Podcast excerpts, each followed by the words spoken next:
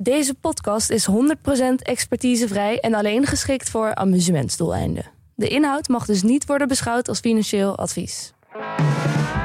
Dit is Jong Beleggen, de podcast. Ik ben Milou En ik ben Pim. en wij zijn terug van vakantie en van corona. En Pim, ik heb een vraag voor jou. Wat zit er nou eigenlijk ingeprijsd in de koers? Ja, dat zou je kunnen uitrekenen. Ik heb daar een soort van bierveldmethode eh voor uitgewerkt in de Google Sheet. Nou, dan kunnen we gewoon de kroeg in dus. En we hebben het over volatiliteit. En een expert daarover eh, hebben we aan het woord. Ja, en ik heb weer een portfolio-update. En uiteindelijk zelfs ook nog eens een leuke tip. Nou, wat zijn wij weer sympathiek. Laten we beginnen. Ja.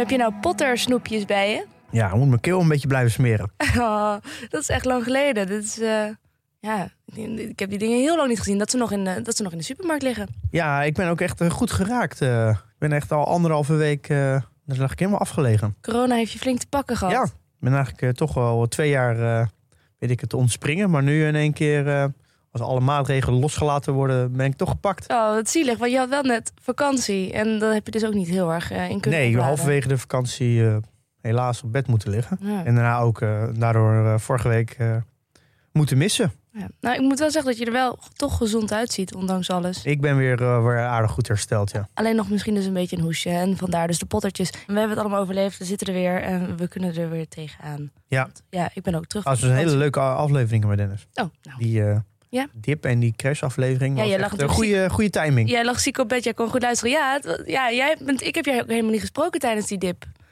Eh, Nee. Hoe jij dat hebt beleefd. Maar dat bij jij ook wel een beetje pijn hebben gedaan, of niet? Ja, dat is natuurlijk. Ja, en dat heeft mij zeker emotioneel geraakt. Het, het, het kan gewoon niet. Of wat lijkt mij sterk dat het je helemaal koud laat. Dus eh, er zit natuurlijk wel een heel groot verschil tussen daarop handelen en niet handelen. Dat is natuurlijk eigenlijk de, dat is natuurlijk de dat bepalende factor. Ja, het doet mij wel wat. Ik, Hoeveel ben je verloren? Eh, ik denk dat ik wel zo'n 60, 70.000 euro eh, ben gezakt. Ja. Maar ja, het is. En nu ben ik alweer een groot gedeelte hersteld. Maar het is toch, als je, als je je portfolio flink ziet dalen, dan ga je toch twijfelen. En dan ga je toch over bepaalde posities twijfelen van, ja, begrijp ik het echt wel goed genoeg? Is, was het niet veel te veel overgewaardeerd? Heb ik niet te duur gekocht? Ja. En nu wordt de, wordt de markt weer meer rationeel. En het duurt, gaat niet meer terug naar die prijs waarvoor ik hem gekocht heb, omdat ik hem te duur gekocht heb. Je, je krijgt allemaal vragen in je hoofd. Ja. Eh, en je gaat nog een keer door je portfolio heen. Eh, en dat ook het grappige is dat nu is eigenlijk weer een stuk hersteld. En hoe snel je dat dan ook, dat gevoel ook weer kwijt bent. Ja, ik kan me, kan me gewoon niet voorstellen dat zeggen, het doet je helemaal niks. Eh, ik denk dat het wel een periode is waar je goed kan realiseren hoe je portfolio in elkaar zit. Dus je merkt wel als je te veel naar groeibedrijven zit, veel waar winsten in de toekomst liggen. Ja, dan gaat je portfolio echt flink heen en weer. Mhm. Dus het is wel weer een periode waar je merkt hoe je dus qua spreiding voor staat. Nou, we komen er eh, straks nog even op terug. Eerst naar het onderwerp van deze aflevering. Namelijk, wat is ingeprijsd in de koers? Als ik die titel zo lees en dat onderwerp, dan denk ik meteen aan... Oké, we gaan het dus hebben over waarderen. Ja, nou dit is nog niet. Je, kan, je hebt natuurlijk echt waarderingsmethodes. Die, eh, de, de discounted cashflow, de sum of the parts of eh, de earnings valuation method. Nou, zo zijn er meerdere mogelijkheden om een bedrijf te waarderen. Dus wat is nou het bedrijf echt waard? Maar wat ik nu heb, eigenlijk heb gedaan, en dat is een, eh, ook een, een sheet die ik heb gemaakt, dus een, soort van Google Sheet, waar je een aantal dingen kan invullen. En dan kan, kan je eigenlijk een soort van krijg je, krijg je inzicht wat er nu ingeprijsd is qua verwachting. Ja, en dus dan praten we vooral over groei. Dus hoeveel moet het bedrijf groeien om de huidige koers te rechtvaardigen? Oké. En dat is, ik heb dat zelf eigenlijk ontwikkeld om, om op een hele snelle manier ja, erachter te komen wat, is er, wat verwacht de markt nu van het aandeel. En zonder dat ik een hele uitgebreide waarderingmethode ga toepassen, heb ik eigenlijk een, ja, een heel simpel een lijstje gemaakt waar ik een aantal punten moet invullen. Maar wat de, wat de markt verwacht van een aandeel... dat heeft toch alles met emoties en ideeën en sentimenten te maken? Kun je Eh, daar, wat kun je daar met een Google Sheet mee? Nou, als bijvoorbeeld een, eh, als de markt verwacht dat het bedrijf de komende 10 jaar met 20% gaat groeien, dan zit dat al in de prijs. Dus dan is die, die toekomstige groei van 20% voor, is al ingeprijsd. Ja, Dus ja, dan is het, als, als het bijvoorbeeld management zegt, ja, we gaan 20% groeien de komende jaren en de markt prijst dat ook al in, eh, ja, dan weet je dat je, dat je daarvoor betaalt. Dus als het dan ook echt 20% is, dat er dan eh, heel weinig upside nog in zit. Oké, dus je hebt een, een document gemaakt waarmee je snel en makkelijk kan zien wat, er, wat de markt verwacht, of dat ook eruit kan komen. Ja, dus je geeft je gewoon inzicht in wat, eh, eh, als je dit aandeel nu koopt, ja, wat de markt dan verwacht, wat, hoe het bedrijf moet groeien om die huidige koers te rechtvaardigen. Oké. Het is natuurlijk niet, geen exacte wetenschap. Het is niet echt waarderen zoals de discounted cashflow, waar je winsten in de toekomst disconteert naar nu. Maar het is een manier waar je heel snel wat gegevens kan invullen om te kijken van hoe, eh, ja, hoe, ja, wat verwacht de markt nou van dit bedrijf. En we komen straks met een aantal voorbeelden. Dat geeft wel heel, al snel heel veel inzicht of het überhaupt de moeite waard is om verder te kijken naar dit bedrijf. Want eh, ik heb het met Dennis ook even gehad over dat, nou ja, als je echt iets wil gaan waarderen of wil snappen, dan, dan is er gewoon geen snelle en eenvoudige manier. Nee. Ja, je kan een beetje kijken naar ratio's. Eh, dat is dat ook is wel- de snelle manier. Ja, dat is ook een beetje een snelle manier. Ja. Maar dat is dus weer heel lastig. Want een bedrijf wat geen winst maakt, ja, ja, die heeft natuurlijk geen koers-winstverhouding. Nee. Dus dan kan je naar de, de omzet, eh, de koers-omzet kijken. Maar ja, dat zegt natuurlijk weer weinig over de kwaliteit van de omzet. Want een bouwbedrijf die heel veel omzet maakt, is heel anders dan een softwarebedrijf die heel veel omzet maakt. Ja. Want de marges liggen op onderaan de streep, zeg over tien jaar heel anders. Dus hetzelfde voor een supermarkt, die maakt natuurlijk heel veel omzet. Maar de marges zijn heel laag. Ehm, dus het is, dat, ja, dat zegt ook weer niet alles. Eh, en ik, ehm, dus ik, ja, ik denk dat het ook goed is om, om daar een stapje verder in te gaan, maar wel op een hele simpele manier. En het is absoluut geen me- methode om, eh, om, om te zeggen: dit is gewoon hier zo waardeer ik klaar. Mhm. Maar dit is een mooi startpunt om te kijken of het überhaupt de moeite waard is om verder te kijken. Oké, want jij zegt een simpele manier. Ik heb even naar dat sheetje van jou gekeken. Er zijn wel veel getallen. Ja, maar Veel het is heel simpel. We gaan er nu doorheen lopen. Dan, dan kom je erachter dat het heel simpel is. En ik zie dit een beetje als een bierveeld eh, waardering. Ah. Gewoon even snel. Je, Eentje die je in de kroeg kan doen, bij wijze van. Ja, je, gewoon, je komt een bedrijf tegen. Soms appt iemand wel eens mijn bedrijf. Of ik kom zelf een bedrijf tegen. Dan vul ik het even snel in. En denk ik, nou, even kijken wat, eh, wat, eh, wat de markt verwacht. Ja, oké. Waar beginnen we? Ehm, nou, laten we eerst eens beginnen bij... Misschien handig om, eh, als je de mogelijkheid hebt... om even de sheet te bekijken. Dan heeft je iets, heb je iets meer context bij wat ik nu ga vertellen. Ik denk het eerste... Waar vinden we de sheet? Er staat gewoon eh, op de show notes een linkje. En dan kan je gewoon eh, kan je ook zelf kopie van maken. Kan je zelf mee aan de slag. Mhm. Ik noem het de reverse engineeren van de koers. Dus wat is, zit er allemaal al ingeprijsd in de koers nu? Nou, beginnen we eigenlijk eerst met de compounding annual growth rate. En dat houdt eigenlijk in hoeveel eh, wil jij graag als rendement hebben als je dit aandeel koopt. Nou, dan kan je, de meeste mensen vullen daar 10% in. Sommige mensen zeggen zelfs 12%. Misschien zelfs meer. Ik vind dat wel wel aan veel, veel een beetje aan de hoge kant. Eh, wil je echt weten wat daadwerkelijk is ingeprijsd, moet je denk ik werken met 7, 8 procent. Dat is denk ik het gemiddelde rendement van de beurs over een hele lange periode.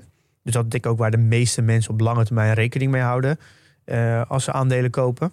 Ja. Ja, dat is eigenlijk de basis waar het bedrijf dus, eh, als je het bedrijf 10 jaar bezit, dan verwacht je ook bijvoorbeeld 10% rendement per jaar. Ja. Dus dan moet het, ja, dat is- doet iedereen natuurlijk. Want iedereen koopt het bedrijf met het idee dat hij rendement gaat maken. Dus Ja. dat is dan sowieso al ingeprijsd. Ehm, dus dat is eigenlijk stap 1. Nou, ik vul daar eigenlijk zelf al de 10% in. Maar waarom doe jij dan 10 en niet 7 of 8?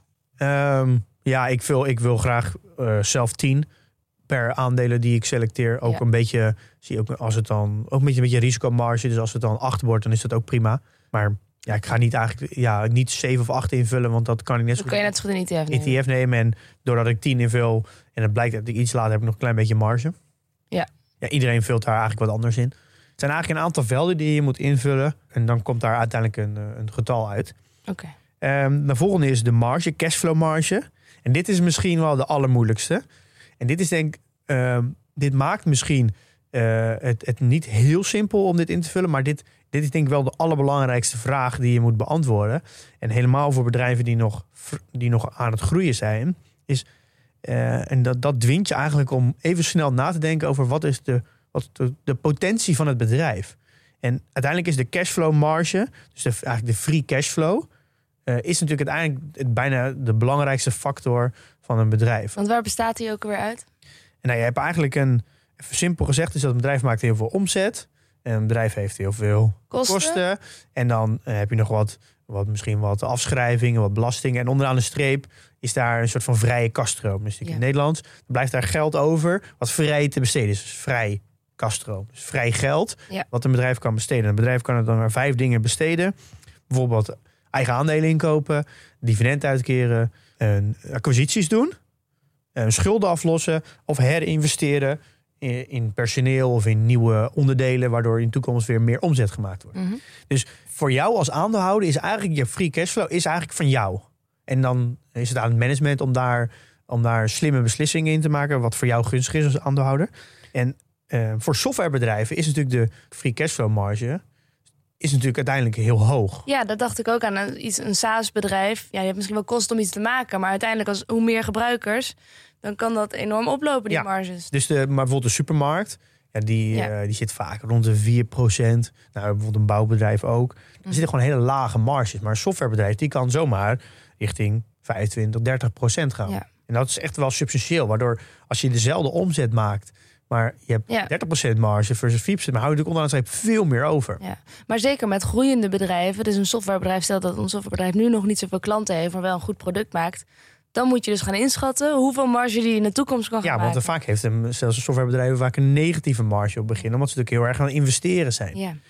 Dus je wil je uiteindelijk de potentie van het bedrijf weten. eh, dan moet je nadenken, wat is, de, wat is de potentiële marge? En hoe doe je dat dan? Ja, dat is natuurlijk lastig. Maar bij, bij bedrijven die wat langer bestaan. Nou, neem een Google of een ASML. Een beetje zulke soort bedrijven. Die, daar kan je gewoon, dat kan je gewoon uitrekenen. Dan kan je gewoon kijken naar de cash from operations activities. Dus eigenlijk gewoon de, de cash die vanuit alle operatie komt. Plus de capital expenditures. Dat is eigenlijk de ja, investeringen die ze doen. En dat deel je door de totale omzet. En dan komt daar eigenlijk een percentage uit. En dan weet je wat de marge is. Nou, bijvoorbeeld bij Google heb ik dat zelf uitgerekend. Ik heb ook een screenshot op de website gezet hoe ik dat gedaan heb. En dan kom ik bij Google uit eh 26,1 procent. En eh, als ik dat dan weer bij QuickFS... Ja, QuickFS is een website. Zo'n beetje Yahoo Finance-achtige website. Daar kan je het ook gewoon opzoeken. Daar hebben, maar hebben ze die berekening al voor je gedaan. En eh, die heb ik ook een screenshot laten zien op de website... dat het eigenlijk ook op hetzelfde uitkomt als je het handmatig uitrekent of daar kijkt. Maar met een groeiend bedrijf is dat nog steeds lastig. Nee, ja, maar je weet dus in ieder geval bij, bij Google heb je, eh, kan je wel rekening houden met een eh free cashflow marge van toch wel zo'n ja, 26. Misschien mogelijk over 5 of 10, misschien wel naar 30 procent. Ja, ja. Dus dan weet je wat, eh, waar het bedrijf naartoe gaat als marge. Dus alle, alle omzet die dan gemaakt wordt, en die omzet groeit natuurlijk ook, eh, heb je natuurlijk een, een dubbel effect. Ja. Meer omzet en hogere marges. Betekent onderaan de streep dat het ook, de winsten ook gigantisch omhoog gaan natuurlijk. En dan heb je natuurlijk ja, de bedrijven die, die nog geen, om, geen winst maken. En dan neem je bijvoorbeeld Just Eat Takeaway, CM.com. Natuurlijk twee Nederlandse bedrijven die allebei nog geen winst maken. Dat is natuurlijk de vraag, ja, waar, wat voor marge gaan zij uiteindelijk maken? Ja. Nou ja, Just Eat heeft aangegeven dat ze op de GTV eh 5% uiteindelijk gaan maken qua marge. Maar ze, nu hebben ze nog een verlies volgens mij van, eh, nou wat is het, eh, ergens eh, tussen de 0 en de 1% verlies qua marge. Mhm. Ja, dus je hebt, niet, je hebt niet echt een referentiekader. Want er zijn andere bedrijven die vergelijkbaar zijn, die ook nog, geen, die ook nog verlies maken. Dus Ja. dat blijft natuurlijk een beetje, eh, een, een beetje zoeken. Ja. Eh, en dat maakt het ook heel moeilijk om bedrijven die nog geen winst maken, om die goed te waarderen. En daarom Ja. zie je ook dat bedrijven die nog geen winst maken, eh, heel erg gevoelig zijn qua koersbewegingen. Want de markt weet eigenlijk niet precies. Er is gewoon geen houvast, er is geen bodem. Dat als het slecht gaat met de economie of er komt nu de rente gaan omhoog, dan gaan het aandelen ook hard naar beneden. Want waar kan je je als belegger aan vasthouden? Omdat er, er is gewoon nog helemaal niks waar je aan vast kan klampen. Nee, Ja, buiten het management die zegt, ja, we gaan naar 5% toe. Maar ja, dan moet het management wel te natuurlijk zeggen ze dat. ja, maar ja, dan is het management wel te vertrouwen? Hebben ze een goede Ja. track record? Ook weer niet. En dan heb je bijvoorbeeld CM.com. Dat is ook weer een bedrijf die... eh, dat ook een Nederlands bedrijf, klein bedrijf... geeft zelf aan dat ze uiteindelijk naar 20% EBITDA-marge willen gaan. Ja, ja, je weet het niet. Nee. Eh, dus natuurlijk willen ze dat en natuurlijk zeggen ze dat, want dan, eh Ja, dan dus daar vertrouwen. ja, wat je dus wel kan doen, is je kan kijken... nou, wat zijn vergelijkbare softwarebedrijven in de wereld? Zijn er andere bedrijven die in een andere fase zijn... die verder zijn? Eh, als bijvoorbeeld een nu nieuw chipbedrijf wordt begonnen... of die is nog vrij jong... dan kan je kijken naar wat is een beetje de concurrentie... welke bedrijven zijn een fase verder. Dan kan je kijken wat voor marge maken die bedrijven... dus wat voor potentieel zit er voor cashflow marge dan in dit bedrijf. Dus je kan daar wel een beetje, een beetje kijken... maar bij echt nieuwe bedrijven die compleet nieuw zijn qua diensten... Is het, blijft het een uitdaging. Dus wat heb jij dan ingevuld voor bijvoorbeeld Just Eat Takeaway? Nou ja, daar, daar, je kan daar dus mee spelen. Als je, met, als je natuurlijk, maakt eigenlijk niet uit wat je invult. Nu de koers is zo laag. Dus als je nou 5% invult of 3%, of, dat maakt eigenlijk niet uit. Het is allemaal goedkoop. Eh, dus het geeft eigenlijk heel erg aan. Dat, dan komen ze ook bij de voorbeelden ook aan. Dat eh, dat het de markt daar gewoon heel weinig vertrouwen in heeft. Ja. Dat ze überhaupt eh, die marges gaan maken. Ja. Dus ja, dat is een, daar kan je een beetje mee, daarmee spelen. En bedrijven als een Apple of als een ASML of een Adyen en een Just Eat, die, ja, voor hoe groter het bedrijf is, hoe meer volwassen, hoe makkelijker het is natuurlijk. Want die marge eh, die sch- verschilt gewoon niet zoveel. Als ik bij Apple kijk, in de afgelopen tien jaar zie, dat, zie die marge gewoon een heel klein beetje oplopen. Met een half procent loopt het een beetje op. Dus dan kan je wel aardige voorspelling maken. Ja. Eh, ja, hoe gaat dat over vijf jaar zijn of over tien jaar? Ja. Ehm. De onzekerheid wordt gewoon minder naarmate het bedrijf meer volwassen is. Volgende punt in je sheet. Ja, de volgende punt is de, de aantal jaren. Nou, het is eigenlijk heel simpel. Ehm, ik vul eigenlijk altijd bij bedrijven die echt heel hard groeien nog, die nog vrij jong zijn, dus in een ja, beginfase zitten, vul ik tien jaar in. Maar een aantal jaren voordat wat? Ja, eh, om, te ja, om, om die berekening te doen. Dus oh, je moet, we moeten een berekening gaan doen Ja. over wat er in die koers zit. Ja, En bij een bedrijf wat heel klein is nog en heel jong is, eh, wil ik een berekening over tien jaar. Eh, maar een bedrijf wat, wat volwassener is, eh, kan, je, kan je ook prima gewoon vijf of zeven jaar nemen. invullen. Ja. Ja. En, dan moet je de omzet invullen. En dan doe ik al de omzet van de trailing 12 months. Mhm. Dat houdt eigenlijk in dat je de, de omzet pakt van de afgelopen 12 maanden. Dus niet altijd het fiscale jaar. Want als je dan bijvoorbeeld in november eh, 2022 zit en je pakt het fiscale jaar, complete fiscale jaar, dan krijg je de omzet van 2021. Dus dan zit er best wel een lange afstand tussen. Ja. Dus ik doe altijd de laatste 12 maanden. Nou, er zijn heel veel websites zoals Yahoo Finance die dat gewoon weer geven. Kun je gewoon kopiëren, plakken. En dan vul je daar de omzet in. Dan is de volgende stap de marktkapitalisatie. Eh, die hoef je zelf niet in te vullen, want Google Sheet rekent dat zelf uit. Maar dan kan je ook gewoon bij Yahoo Finance vinden en kopiëren, plakken. Hoe rekent hij dat uit dan? Ja, de- je kan gewoon de, de naam van het bedrijf invullen en dan weer geeft hij automatisch de... Dat heb jij... eh, Ja, dat biedt Google gewoon aan. Dat is, eh, dat is eigenlijk heel simpel. Dus daar hoef je eigenlijk ook niks voor te doen. de vooruitgang. Ja. Ehm, en dan is de volgende stap, dat is misschien ook weer een hele moeilijke. Er zijn eigenlijk twee hele moeilijke die je moet invullen. Dus je marge en je exit multiple. De exit multiple. En de exit multiple houdt, Wat is dat ook alweer? het houdt eigenlijk in, nou de multiple is eigenlijk de, de koers-winstverhouding, de PE-ratio, Ja. waar jij denkt dat het bedrijf uiteindelijk op verkocht gaat worden. Dus al na, eh, op het einde van jouw berekening. Dus als jij vijf jaar invult, hoeveel denk je dat het bedrijf verkocht gaat worden? Eh, voor welke multiple, voor welke winst, koers-winstverhouding over vijf jaar? Ja. Als je daar tien jaar invult, dan is natuurlijk de vraag welke multiple verwacht je over tien jaar? Eh, dit is natuurlijk een hele lastige. En ik denk dat hier over het algemeen mensen altijd te veel invullen. Als je gaat kijken naar het verleden, Ja. die, als ik met mensen dit, dit doe, dit, ik, ik, ik heb met meerdere mensen zo'n sheet gedeeld. En soms vullen we samen dan deze sheet in. Ja. En daar is altijd discussie over de cashflow marge en over de exit multiple. En dat is een beetje hoe je bent ingesteld. Want waarom vullen mensen dan vaak te hoog in? Omdat ze toch de toekomst te rooskleurig inzien? Ja, kijk, in de, in de geschiedenis, als we gaan kijken naar de afgelopen 100 jaar, dan he- heeft de S&P een gemiddelde PI gehad van 15. Dus over een hele lange periode is gemiddeld de S&P 15 geweest. Oké. Dus als de S&P nu 20 is, Ja. gemiddeld, dan zou je kunnen zeggen, het gaat, eh, oh, het gaat uiteindelijk weer naar het gemiddelde toe. Ja. Dus dat betekent dat eigenlijk nu, de, ge- de gem- gemiddeld gezien, alle bedrijven in, eh, in S&P nu overgewaardeerd zijn. Dus daar moet eigenlijk 25% vanaf. Ja. En dan komen we weer naar het gemiddelde. En dan kan je natuurlijk heel veel discussies zeggen. Ja, we, hebben nu lage rente. We hebben nu een hele andere, een nieuw monetair beleid. Waardoor het 20 weer standaard is. Maar ja, er zijn allemaal weer mensen zeggen. Ja, maar nu gaat de rente weer omhoog. Dus we gaan uiteindelijk weer naar 15. Nou, daar kan je natuurlijk heel lang over discussiëren. En de Nasdaq doet gemiddeld, volgens mij de afgelopen 20, 30 jaar, een eh PI van 20. Ehm, dus je kan daar een beetje als referentie gebruiken. En daarnaast moet je natuurlijk rekening houden dat mm, als een bedrijf harder groeit, zijn mensen ook bereid om een hogere koers-winstverhouding voor te betalen. Mhm. Maar als een bedrijf steeds groter wordt, dan wordt het steeds moeilijker om harder te groeien. Ja. Eh, dus dan neemt automatisch de PI af. En als er bijna geen, geen groei meer in zit, dus het eigenlijk gewoon correctie, ja, een beetje groei met, eh, met de wereldeconomie, met inflatie mee. Ja, dan zou je toch wel kunnen zeggen, dan zie je toch wel een beetje op het, moet je rekening houden met het gemiddelde. En, waar je- en is exit multiple hetzelfde als gewone multiple? Nou, ja, we noemen het een exit multiple, omdat Ja. namelijk eh, voor, als je dit bedrijf koopt, voor welke multiple verwacht jij dan dat je het kan verkopen? Ja, oké. ja. Dat is eigenlijk dus, eh, het is basically de, welke multiple verwacht jij het einde van de periode Ja. dat je hem zou kunnen verkopen? Ja. Want je ziet altijd bedrijven die hard groeien, die koop je eigenlijk voor een, voor hoge koers-winstverhouding, omdat er nog veel groei in zit. Ja. En naarmate het bedrijf steeds minder hard gaat groeien, wat logisch is, want Als je groter wordt, is het moeilijker. Zal de PEO ook, ook moeten, naar beneden moeten gaan. De multiple. En eh, je kan ook altijd kijken natuurlijk wat doen de peers. Dus welke, voor welke koerswinstverhouding worden eh, peers verhandeld. Ik zit daar hier altijd een beetje mee te spelen. Ik wissel eigenlijk altijd een beetje tussen, tussen 17,5, 20, 22,5 en 25. Mhm. Eh, maar als ik bedrijven zoals een Ahold neem, dan ja, hou ik echt wel rekening met, met 15 of zelfs nog wel lager. Het ligt er een Omdat beetje. het al gewoon een groot bedrijf is. Ja, dat is, dat, er zit gewoon bijna geen groei in. Nee.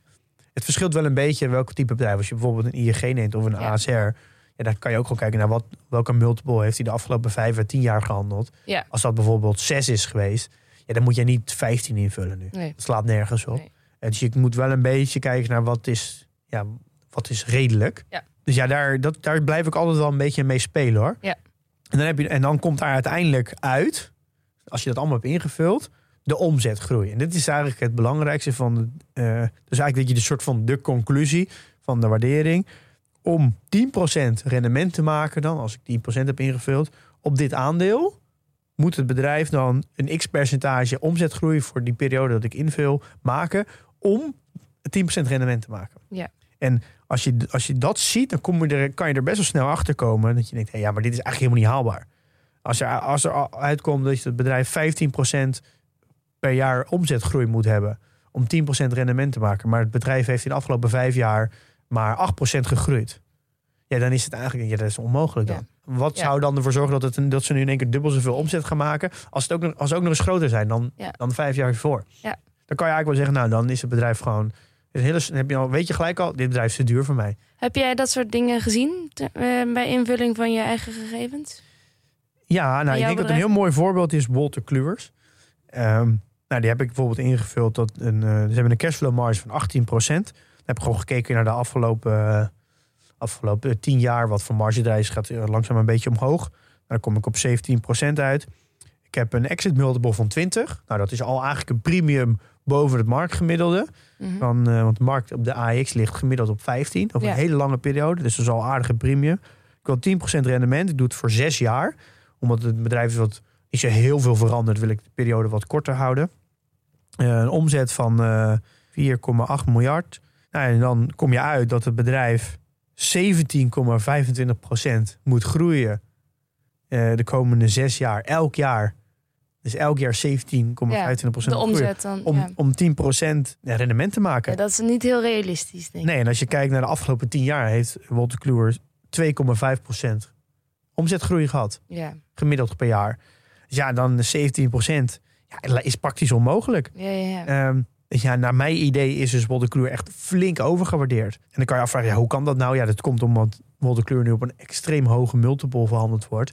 Ja, dat eigenlijk eh ja, nog maar dubbel, dubbel zo hoog is als het, als het marktgemiddelde. Ja, ja. Dus die sheet die je hebt gemaakt is eigenlijk een soort filter om, die je er gewoon eroverheen legt. En kijkt welke bedrijven zie ik nu nog steeds die daadwerkelijk het, het kunnen halen wat ik van ze verwacht. Ja, dus, het- dus eh, het. ja, ja, ik denk dat, dat Walter Kluwer is, ja, is gewoon heel erg overgewaardeerd. Dat- Dat, die conclusie trek ik er dan uit. Ja. Ik kan me ook wel op zich wel voorstellen dat heel veel mensen Walter Kluwer hebben, omdat het een hele stabiel, eh, stabiel inkomen heeft. Het is veel abonnementen.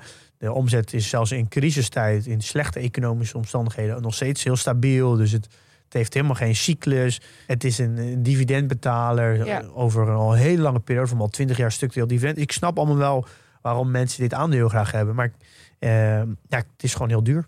En in hoeverre zegt het dan nu precies iets over wat dan wel een goede prijs zou zijn? Eh, Echt over de hoogte van de koers specifiek? Hoe bedoel je? Nou, hoe kan ik dan meteen zien of het te duur is en wat dan wel een goede prijs zou zijn voor zo'n aandeel?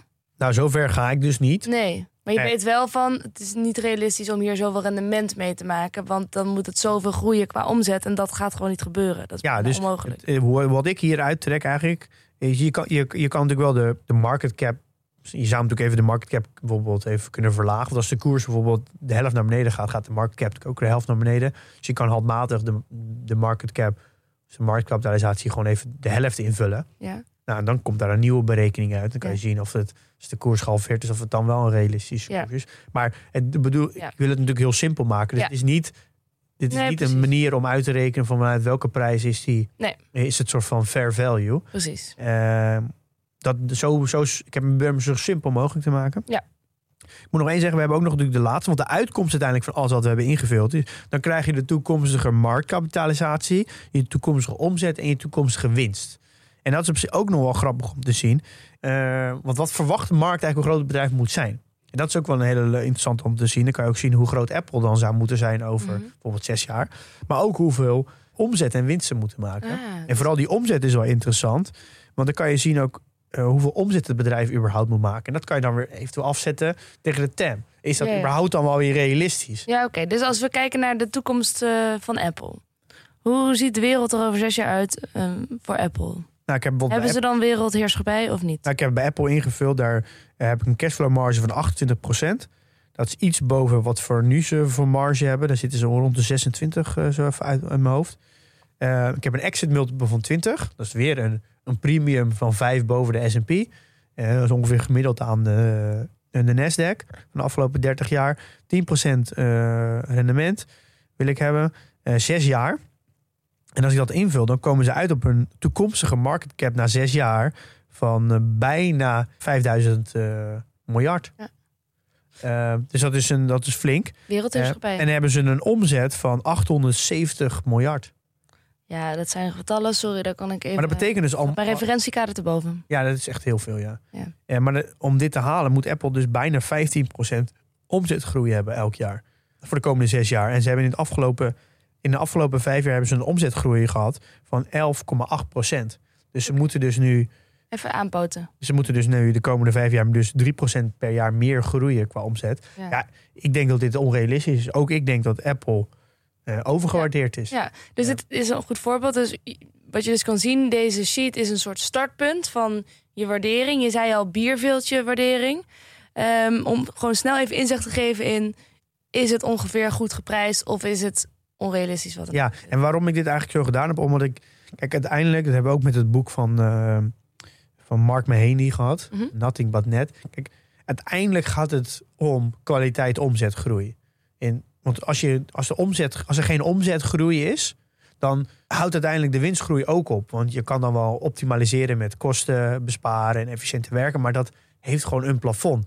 Dus wil je uiteindelijk constant blijven groeien, dan zal uiteindelijk de omzet altijd moeten blijven groeien. Want meer omzet groei betekent uiteindelijk ook meer winst. Als je het natuurlijk aan beide kanten doet, efficiënter werken en omzetgroei, dan gaat je winst natuurlijk harder omhoog. Dus je hebt gewoon omzetgroei nodig. Ja. Dat is op lange termijn de bepalende factor voor, je, voor de koers. Dat maakt zo'n sheet ook wel heel duidelijk inderdaad. Nu- Dat valt nu wel een soort kwartje weer. Ja, ik vind gewoon, je ziet heel snel, kijk, als ik dit invul, denk ik, oh, Apple moet dus 15% groeien. Eh, nou, de komende zes jaar, elk jaar gaat gewoon niet gebeuren. Ja. Dus dat betekent dat, ja, mijn multiple die ik heb invul is natuurlijk lager dan wat, waar die nu op verhandeld wordt. Ja, dan betekent eigenlijk dat ik, dat ik denk dat eh, Apple uiteindelijk ook qua multiple weer naar het gemiddelde toe gaat. Omdat het namelijk het grootste bedrijf in de wereld is, waardoor de groei steeds moeilijker wordt. Dat ik denk dat het eh, geen 10% rendement gemaakt kan worden op Apple. Want Ja. ook Apple zal uiteindelijk qua multiple naar het gemiddelde moeten gaan. En het kan er wel naartoe groeien, maar dat gaat dan weer ten koste van, je, van de koersstijging. Eh, dus voor mij is Apple te duur. En dit is eigenlijk precies de reden waarom ik eh, Microsoft ook verkocht heb. Ja. Als ik dit invul, dan denk ik, ja, Microsoft moet echt flink hard groeien. Harder dan wat ze al gedaan hebben om de huidige koers te rechtvaardigen. Ja. En dan denk ik niet dat ze dat gaat gebeuren. Je ziet eigenlijk, als je koerswinst wil pakken, en denk als het gaat om value investing, zit eigenlijk de, de, de, echte koerswinst zit hem eigenlijk in twee factoren. Een multiple expansion. Dat houdt eigenlijk in dat als je het aandeel eh, nu koopt voor 10 keer de winst. En het gaat uiteindelijk naar het gemiddelde van 15. Dan pak je al in één keer 50% winst, koerswinst. Dan verandert er fundamenteel niks aan het bedrijf. Je pakt al 50% winst alleen maar omdat de markt nu bereid is om het gemiddelde ervoor te betalen. Ja. Als het bedrijf ook nog eens sterk is en het fundamenteel wordt het ook eens beter. Dus de omzet groeit, de marge gaat omhoog. betekent dat je daar ook nog eens een winst uit pakt. Dus dan pak je een eh, multiple expansion winst. Plus nog eens dat het Ja. fundamenteel beter gaat. En dan Dus, pak ja. je dus twee keer. En daar gaat eigenlijk value investing over. Ja, precies. Dat En- de verwachtingen en de reële, realistische... Ja, dus wat de markt bereid is om te betalen. Maar dat werkt natuurlijk ook de andere kant op.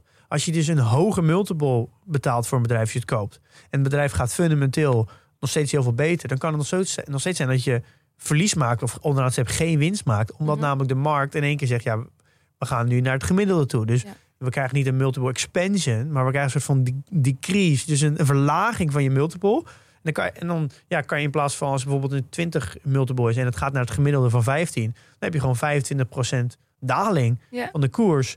En als het, dan kan het bedrijf nog wel fundamenteel 25% beter worden, maar dan heb je onderaan de streep nog steeds niks verdiend. Eh, Ja. En daar gaat eigenlijk een beetje de, eh, de quote ook van Warren Buffett over. eh, price is what you pay, value is what you get. Is die multiple, dat is eigenlijk wat je voor betaalt. Maar de waarde die je ervoor krijgt, dat is, dat, dat is het bedrijf. Of het nou verhandeld wordt op 10, 15 of 20, dat maakt eigenlijk niet uit.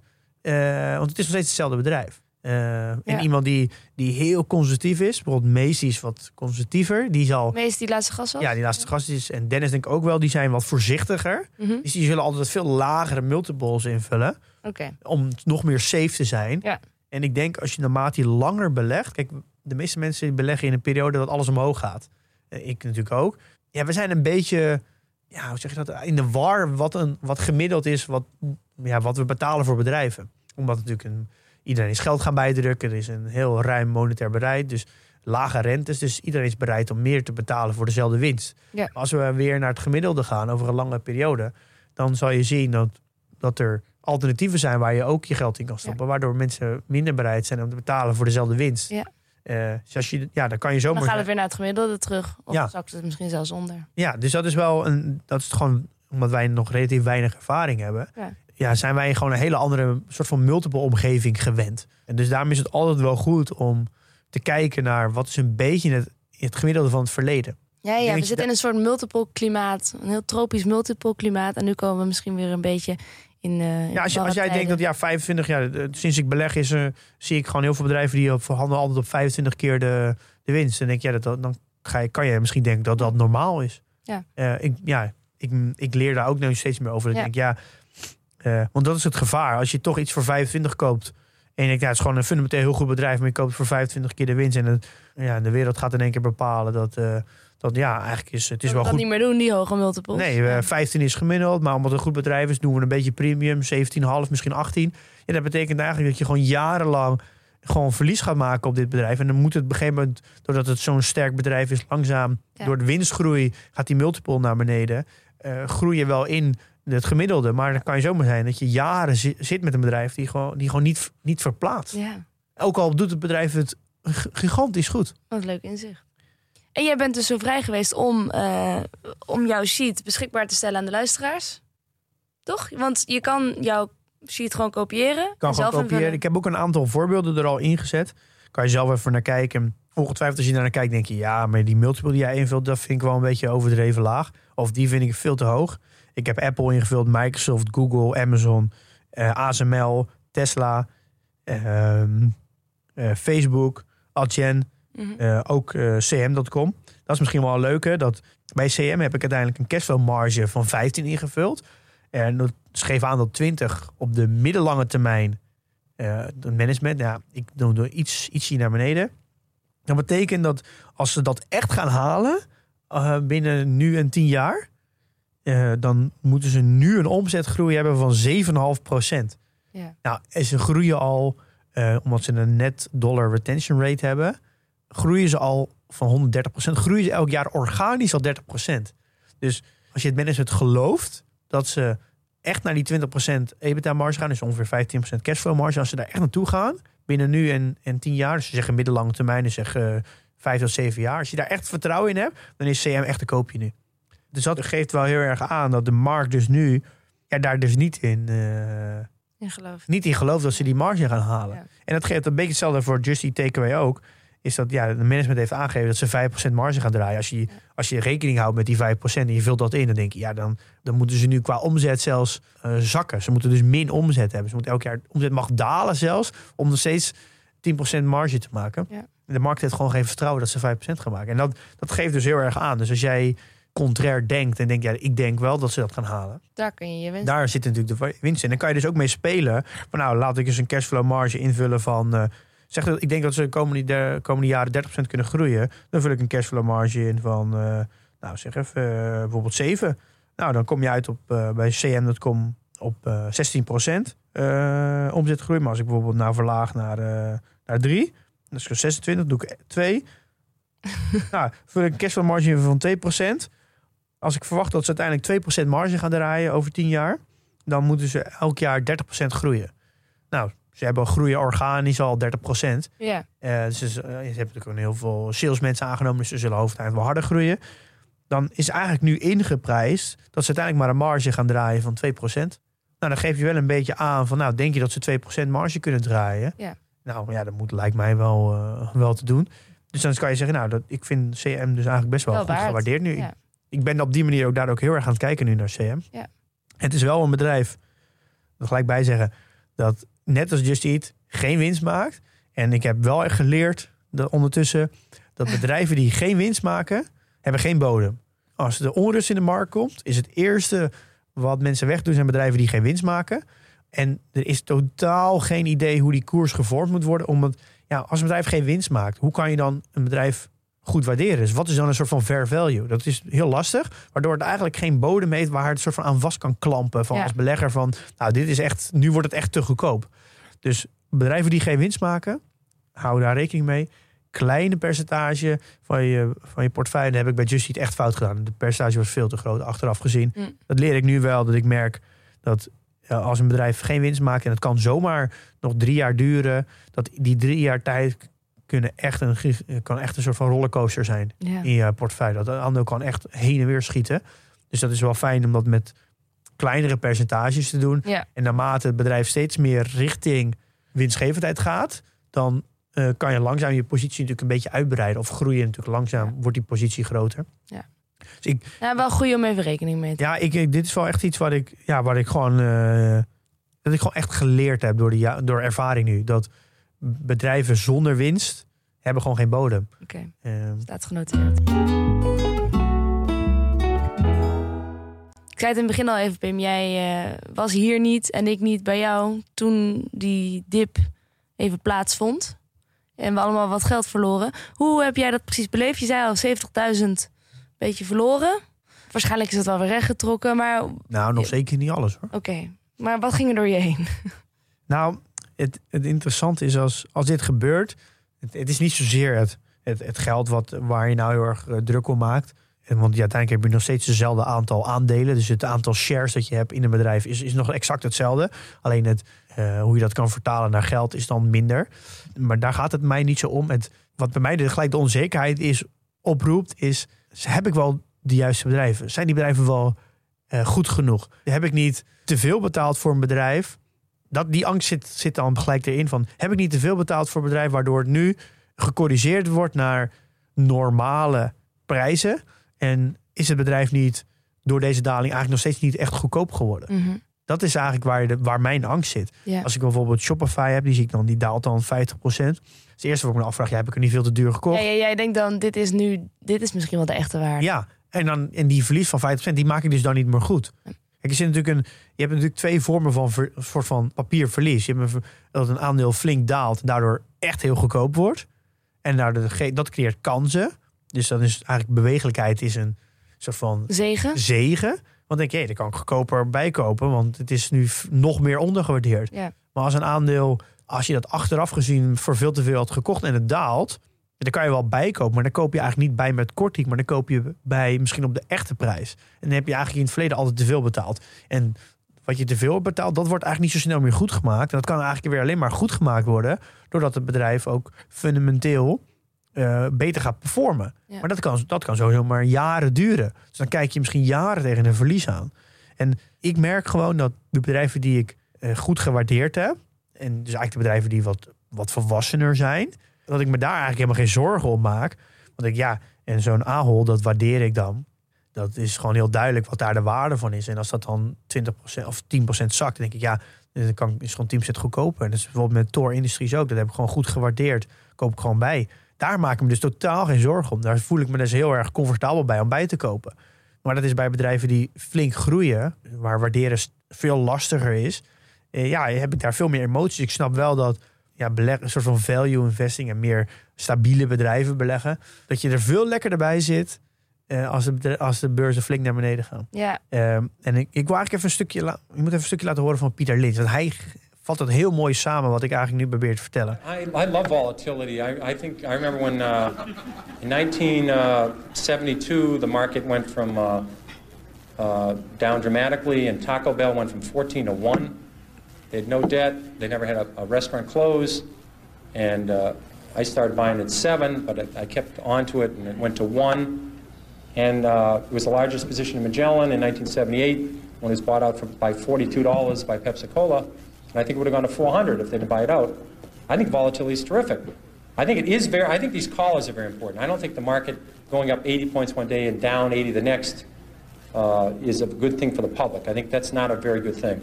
But I think all these callers and all these other things to keep the volatility down each day is important. But the market's going to go up and down. The, human nature hasn't changed a lot in 25,000 years. And some event will come out of left field and uh, the market will go down or the market will go up. So I, volatility will occur and markets will continue to have these ups and downs. I think that's a great opportunity if people can understand what they own. If they don't understand what they own, they can own mutual funds, try to figure out mutual funds they own, and keep adding to it. Over, basic corporate profits have grown about 8% a year historically. So corporate profits double about every nine years. The stock market ought to double about every nine years. So I think the next market's about 3,800 today, 3,700. I'm pretty convinced the next 3,800 points will be up. It won't be down. The next 500 points, the next 600 points, I don't know which way they're going. So the market ought to double in the next eight or nine years. It ought to double again in the eight or nine years after that. Because profits will go up 8% a year and, and stocks will follow. That's all there is to it. Ja, dus hij zegt, I love volatility. I think volatility is terrific. Ja, Ja, en daar voegt ook. hij eigenlijk toe. I think it's a great opportunity if people can understand what they own. En dat is eigenlijk die combinatie, dat is key. Is, Het is fantastisch als beurzen 20% naar beneden gaan. Als je precies weet wat je bezit. En, je, en je- wat hij ook zegt, ik, ik zie dat, dat Taco Bell, dat had, eh, was hij eigenaar van in 1972. Er is geen restaurant gesloten. Het bedrijf fundamenteel bleef hetzelfde.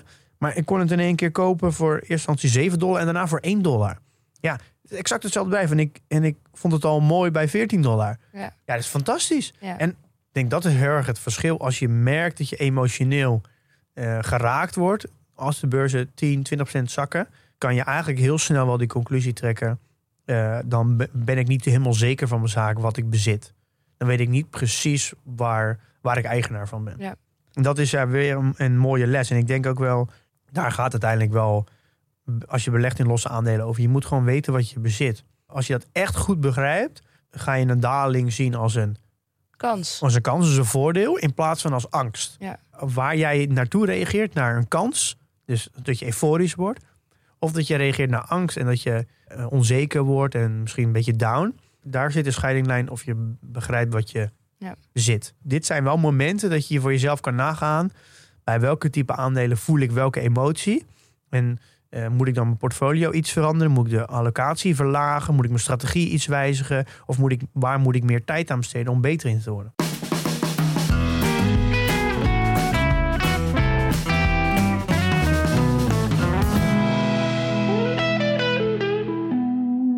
Ja, en dan een, eh, een logisch bruggetje. Ehm, ik hoop niet dat je allemaal dingen bent gaan verkopen. Ja, en ik, Toen je zo emotioneel was. Nou, ik heb zeker wel verkocht. Ik, had, Oh. ik had, heb al verteld dat ik Microsoft heb verkocht. Oh ja. Dat is volgens mij, ik denk nu vier weken geleden. Ik had daar nog geen nieuwe, een nieuwe bestemming voor. Komt ook door vakantie en ziekte dat dat eigenlijk een, eh, even niet, eh, nog niet kon. Ik heb ook Broadcom verkocht met 80% rendement. En Berkshire Hathaway met 41%. Het grappige is dat Berkshire, dat ik die gekocht heb in maart 2021. Dus dat is exact een jaar Vorig geleden. jaar, Ja. Dus ik heb, ik heb ja, toch wel een flink rendement opgemaakt. ja. En het grappige is dat Want ik... die is van eh, Buffett, toch? Ja, en ik merk eigenlijk dat Berkshire eigenlijk een, is een van de weinige groene posities dit jaar. Eh, en het is eigenlijk een soort van ideale hedge in onrustige tijden. Ze hebben natuurlijk 150 miljard cash. Berkshire reageert een soort van contra. Dus als de hele beurs naar beneden gaat, gaat Berkshire omhoog. Ehm, dus het is eigenlijk een, eh, ja, misschien nog wel betere, ja, qua, qua risicospreiding, eigenlijk nog beter dan bijvoorbeeld een all-world ETF. Eh, omdat het een soort van contra reageert. Ja. Maar het is natuurlijk eigenlijk ook wel een, je kan het bijna een soort van zien als een ETF. Eh, Ja, Ik- is ook een fonds. Dat is ook een er mindje. zitten, ja, er zitten echt, nou, echt tientallen bedrijven in. Natuurlijk ook heel veel niet beursgenoteerde bedrijven. ik heb voor nu besloten om het aandeel te verkopen. En eigenlijk een groot gedeelte, oh, eigenlijk al dat geld in de, de iShare Core MSCI World te stoppen. hey, die heb ik ook gekocht. Dus dat is, ik heb dus eigenlijk een, nu echt een core en satellite strategie. Ja, 20% van belegd vermogen zit in die eh, iShare eh, ETF. En dat heb ik eigenlijk gedaan omdat ik eh, het eigenlijk toch best wel fijn vind. En dat heb ik eigenlijk nu ervaren dat ik toevallig nu op vakantie was en ook ziek was. Dat ik het gewoon eigenlijk heel fijn vind om een plek te hebben waar ik geld in kan stoppen. Als ik even niet weet waar ik het in moet stoppen in die andere bedrijven, dat ik in ieder geval Ja. gewoon een plek heb waar ik niet bij na hoef te denken en dat ik Ja. er gewoon in kan stoppen. Ja. Lekker ik voel me daar eigenlijk gewoon veel comfortabeler bij. Ook eh, omdat ik ja, op sommige periodes gewoon heel druk ben. Ook met andere dingen. Ja, voel ik me daar nu gewoon heel goed bij. Eh, misschien ga ik hem nog verder uitbreiden in de toekomst. Misschien heb ik periodes dat ik hem juist weer ga verlagen. Als ik ja, andere kansen zie. Ja, nu Eh, staat hij dus even op 20 Ja, dus ik heb daar niet echt een... eh, maar ik, ik, heb gewoon, ik wil altijd belegd blijven. Dat, Ja. dat vind ik heel belangrijk. Waardoor ik... Dit is voor mij gewoon een ideale oplossing om, het, eh, om Ja. toch belegd te blijven. Maar iets minder bedrijven te hebben waar ik me nu zorgen om moet Ja. maken. Ik heb daar ook mijn eh, dollar cost average van maart ingestopt. Oh, wat goed. Kijk. Kun je dat zo zeggen? Ja, dat kan. Ja. Maar ja, in Nou mijn, mijn inleg van maart ging naar de iShare Score MSCI World. Nou, kijk, goed. Ja, ik heb daar ook natuurlijk bij gekocht. Ik moet wel zeggen, ik vind Berkshire wel echt een heel interessant aandeel. En ik, en ik uh, dat zeker op mijn watchlist. En ik, uh, ja, ik ga dat wel, uh, wel in de gaten houden. En ik, ik, een van de dingen merk ik dat in de afgelopen jaren... dat het over een hele lange periode volgt het uiteindelijk de S&P. Maar het heeft periodes dat het underperformt in de S&P... en het heeft periodes dat het overperformt. Mm. Ik denk dat je bijna wel kan, kan zeggen bij eh, Berkshire... dat als het een tijd underperformt... dat het dan heel gunstig is om in, uh, in Berkshire te stappen. En als het een tijd overperformt... dat, dat je er weer. Het is, een, uh, het is een heel bijzonder aandeel. Het is Ja. totaal niet als een gewoon bedrijf. Ja. Hij gedraagt zich wat, anders dan eh, de anderen. Ja, en ik snap eigenlijk best wel, als je kijkt naar Datarome, dat is een website waar heel veel grote beleggers eh, een portfolio eh, hebben, hebben staan. Ik snap wel dat heel veel mensen, grote beleggers, een heel groot percentage, soms wel 20, 30 procent in Berkshire hebben. Dus, en ik denk de kracht van Berkshire is ook die, die soort van die geldzak van 150 miljard die ze soort van altijd munitie hebben klaarstaan. Ook al gebeurt er eigenlijk helemaal niks mee. Een soort van dat, dat idee dat ze dat hebben staan, dat als de markten flink naar beneden gaan, dat dat altijd aan het werk kan gaan. Ja. Van die opportunity die er altijd is. Ja, Eh. het appeltje voor de dorst. Ja, het is, eh, ja ik, maar ik houd het zeker, het is zeker een interessant bedrijf om, eh, om, om in je portefeuille. Ik denk dat je daar nooit wat fout aan kan doen. Oké, dus je hebt een groot deel van wat je hebt verkocht, heb je gestopt in de core. Ja, vooral de ETF? Berkshire positie eigenlijk. Berkshire is gewoon, positie? eh, ja. Waar, waar heb je het geld van Microsoft en Broadcom? Maar die heb ik eigenlijk verdeeld over negen andere posities. Mhm. Eh, ik heb Tor bijgekocht, Prosus, Shopify, Trade Desk, Adyen, ASML, Alphabet, Meta Ja. en Amazon. ja, die had je eigenlijk alle- allemaal al, ja. Eigenlijk alle posities die flink zijn gezakt eigenlijk in, eh, eh, in de afgelopen tijd. Ja. Sommige posities echt wel, wel 50, sommige ja, echt wel tussen de, tussen de 15 en de 50 procent. Dus daar heb ik flink, ja, flink wat goedkoper bij kunnen kopen. ja. Dus al je posities gaan nu weer een beetje richting de 5%, maar, Ja, eigenlijk wel weer. Ja, zit eigenlijk wel weer. Alles zit wel richting de 5% iets, soms iets eroverheen. maar soms ook een beetje eronder. Ja, er zitten er twee onder. Dat heb je goed gezien. Alibaba en Just Eat. Ja, vertel. Waarom koop je Just Eat dan niet bij? Want die staat nu dus op ongeveer 2%. Eh, Dus dan vraag ik me toch af van... ja, die zit wel een beetje in de uitverkoop nu. Is dat dus omdat jij je vertrouwen erin bent verloren... en dat je analyse misschien niet klopt? Durf je niet? Wat is het? Ja, dit is toch. Ja, ik moet het met Alibaba ook wel een beetje. En eigenlijk met Just Eat is wat, wat, wat- een andere situatie eigenlijk. Het, het is toch best gek. Het, dat al mijn. Ja, alles, alles lijkt er toch naar mij op dat ze uiteindelijk wel gewoon marge gaan maken. Een paar procent moet zeker lukken. Alleen. De, ja, blijkbaar de hele wereld denkt van niet. Dus dat is toch een. eh, omdat je overal waar je leest, is iedereen zo negatief over Just Eat. Dat je heel erg. Ja, dan denk je van ja, ik, dan zie ik het echt wel fout. Want waarom is, iedereen daar zo negatief over? Er, is, er zijn weinig beleggers die daar heel positief over zijn. Ja, dit is toch, het blijft toch iets geks. Dan, Ja. ja. dan heb ik toch iets van, oké, dan, dan wacht ik het maar gewoon even af. En dan wacht ik toch maar dat ik echt dat, dat ze echt richting die winstgevendheid gaan. En dan ja, weet ik dat ik daardoor ook iets, iets goedkoper of iets duurder koop. Want als ze echt richting die winstgevendheid gaat, dat gaat ja, dan schiet natuurlijk zo'n aandeel omhoog. Want er zijn natuurlijk een aantal dingen in, in Just Eat. Dat ik nu al kan vertellen. Als die dingen gebeuren, gaat het aandeel gigantisch hard omhoog. Ja, Dat is het verkopen van iFood. Iets met Grubhub, dat daar een partnership komt. Of, of ze stoten dat gedeelte af. Eh, dus als ze iFood verkopen, gaan ze de helft eigen aandelen inkopen. En die andere helft die gaan ze herinvesteren.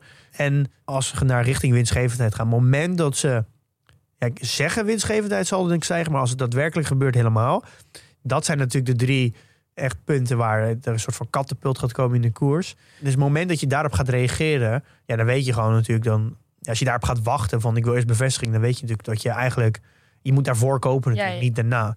oké. maar, maar ja, dus je hebt eigenlijk wel vertrouwen in, hoor ik. Maar de enige reden dat je dat dan niet aftopt is toch ja, beurssentiment om je heen. Wat je erover leest. Ja, je zou zeggen je moet contrair denken. Je zou zeggen, je bent bijna menselijk, Pim. Ja, maar dit, dit is toch, is, ja, zit toch beleggen is het een groot gedeelte gewoon psychologie en emotie. En dat merk ik nu ook. Dat, Ja. ja, je, je of vraag me het over een jaar, misschien een anderhalf jaar of twee jaar, als ze echt winst gaan maken en je, en je laat dit fragment teruggooien en je denkt, ja, wat ben je voor sukkel geweest? Maar ja, dat weet ik dus niet. Dus ja, dit is, ja, ik heb bijvoorbeeld al heel vanaf het begin aan gezegd, Just Eat is een soort van één grote school voor mij qua beleggen. Het is, er zitten zoveel lessen in dit aandeel Mhm. die, die ik hieruit kan halen. Het, is een, eh, maakt mij in ieder geval een extreem veel betere belegger.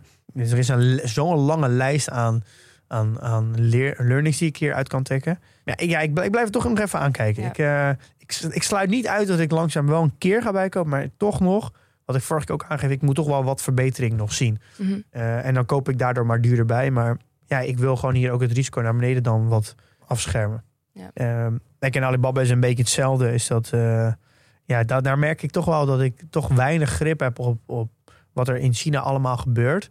En dat het me dan toch een beetje bevriest om actie te ondernemen. Ja, had je Dit- maar een lange arm. De Ja. lange arm van Pim Verlaan naar China. En het is toch een beetje wat, wel, wat Pieter Lins net zegt. Hè. Je moet toch echt wel goed begrijpen wat je, wat, je, wat je bezit. Want dan kan je ook contrair handelen. En, en volgens mij heeft Dennis daar ook niet een aflevering over gemaakt, contrair handelen.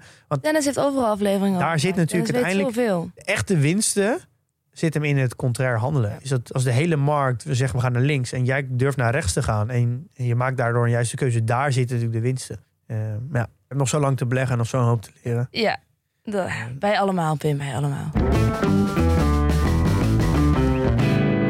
Terwijl de laatste seconden wegtikken, ehm, heb je nog even tijd voor een content tip? Ja, ik heb er nog eentje, ik zal die dan heel kort houden.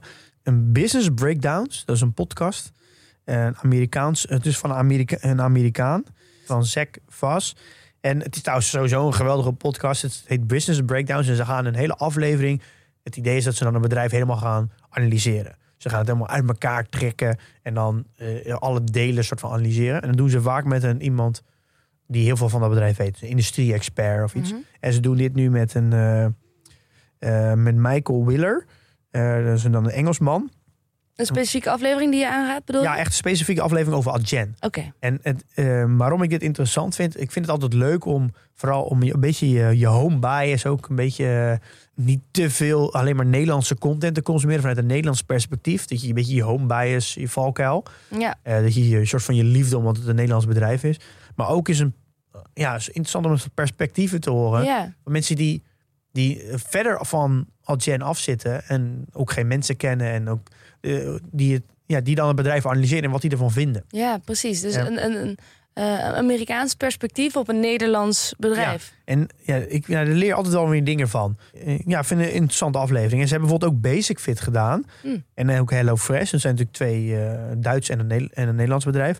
Ook heel veel Amerika grote Amerikaanse. En bijvoorbeeld John Deere ook met die trekkers. Ja. Dus maar ze pakken, ze hebben best wel wat aandelen die, eh, ja, die, die vanuit meer een beetje West-Europees, die West-Europees genoteerd zijn, maar dan vanuit een Amerikaans perspectief. Ook interessant. En ze hebben een overzicht gemaakt van tien andere contentstukken waar je iets kan leren over Adyen. Eh, Service, joh. en het zijn dus niet al, ja, vooral allemaal, eh, allemaal content buiten Nederland. En dat is Ja. natuurlijk interessant, want het, zijn, het is allemaal Engelse content die ze, die ze daar presenteren. Ja. Het is ook allemaal buiten. Eentje is in Nederland gemaakt, dat is TechLeap. En die andere negen zijn allemaal buiten, buiten Nederland. En het is wel interessant als je, iets, als je een ander perspectief wil op Adyen dan vanuit Nederlandse media. Hm. Sowieso een interessante podcast om, om eens te luisteren. Dus eh, Business breakdowns. ja, is, eh, Op elke platform, denk Ja. ik. Ja. Eh, en het leuke, binnenkort komt, ga, ga jij weer op vakantie en dan komt Dennis langs. Mhm. Dan gaan Dennis en ik ook kijken of we twee afleveringen kunnen maken een soort van business breakdowns. Dus we gaan met z'n tweeën per aflevering een bedrijf helemaal eh, uit elkaar trekken en analyseren. Van, en dan gaan we dat eh, samen, samen bespreken. Ja, wat jammer dat ik dat moet missen. Gewoon eerst een keer proberen hoe dat, hoe dat is. Ja, leuk. Ehm, Oké, nou dan eh, zitten we er al weer doorheen. Volgende week gaan we een graag geziene gast terugzien. Namelijk Alex Otto, Mr. Ja. 5%. Mr. 5%, aflevering 31 is die langs geweest. Ja, Hij komt weer langs. Dus ja, ik kijk heel erg naar uit. ik ook. Daar valt wel eens weer een hoop van te leren. Ehm, en dan in de tussentijd, jongens, investeer in je kennis en beleg met beleid.